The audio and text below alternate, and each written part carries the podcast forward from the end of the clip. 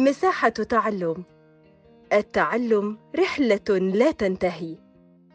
مكملين معاكم في باقي مراجعتنا بأسئلة بما تفسر والسؤال الجاي معانا بيقول لنا فشل اتفاقية العريش بين كليبر والقوات العثمانية. بما تفسر هنقول بسبب إصرار إنجلترا على خروج الفرنسيين كأسرى حرب.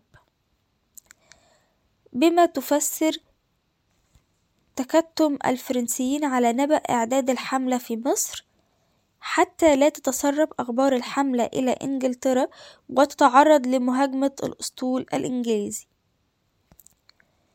بما تفسر الحملة الفرنسية على مصر في أسباب حقيقية وفي أسباب غير حقيقية. الأسباب الحقيقية هي قطع الطريق بين إنجلترا ومستعمرتها في الهند وتكوين مستعمرة فرنسية في الشرق يكون مركزها مصر. والأسباب الغير حقيقية اللي هم أعلنوها وقتها إن هم جايين علشان تأديب المماليك وحماية التجار الفرنسيين. بما تفسر ازدهار التجارة في عهد محمد علي وذلك كان بسبب تقدم الزراعة والصناعة والاستقرار الداخلي بما تفسر نفى محمد علي السيد عمر مكرم. ليه نفى عمر مكرم؟ وذلك ليه للانفراد بحكم مصر. بما تفسر تدهور الحياة الفنية أثناء الحكم العثماني. السؤال اتكرر معانا. قلنا فيه قبل كده انه قام سليم الأول بترحيل أمهر الصناع والحرفيين إلى الأستانة بما تفسر تدهور الحياة العلمية والثقافية في مصر العثمانية بسبب اقتصار التعليم في الأزهر الشريف على حفظ القرآن ودروس الفقه والتشريع وأيضا أهملوا العلوم العقلية زي الرياضيات والطبيعة وتوقف التأليف.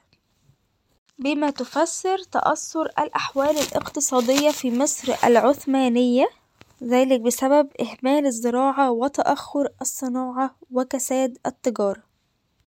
بما تفسر ازدهار دولة المماليك في مصر بسبب موقعهم الجغرافي المسيطر على طريق التجارة بين أوروبا وبين الشرق.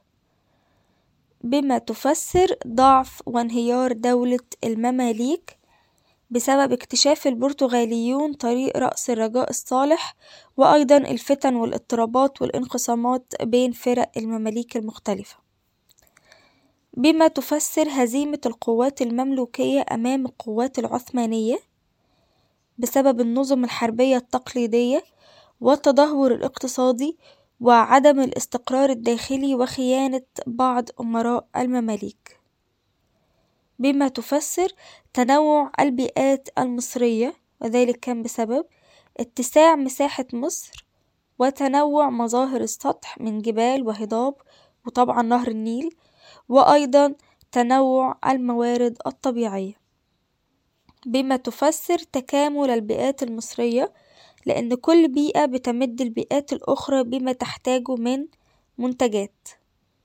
بما تفسر تداخل البيئات المصرية لعدم وجود حدود فاصلة بين البيئات. طيب بما تفسر قيام الزراعة بالساحل الشمالي لأنها بتعتمد على سقوط الأمطار الشتوية. طيب لو عكسنا السؤال وقلنا قيام الزراعة في الواحات هنقول لأنها بتعتمد على المياه الجوفية من آبار وعيون. بما تفسر الأطراف الشمالية للدلتا لا تجود بها الزراعة بسبب ارتفاع نسبة الملوحة في التربة وكثرة المستنقعات. هنقف لحد الجزء ده واستنونا في باقي الأجزاء الجاية. شكرا ليكم.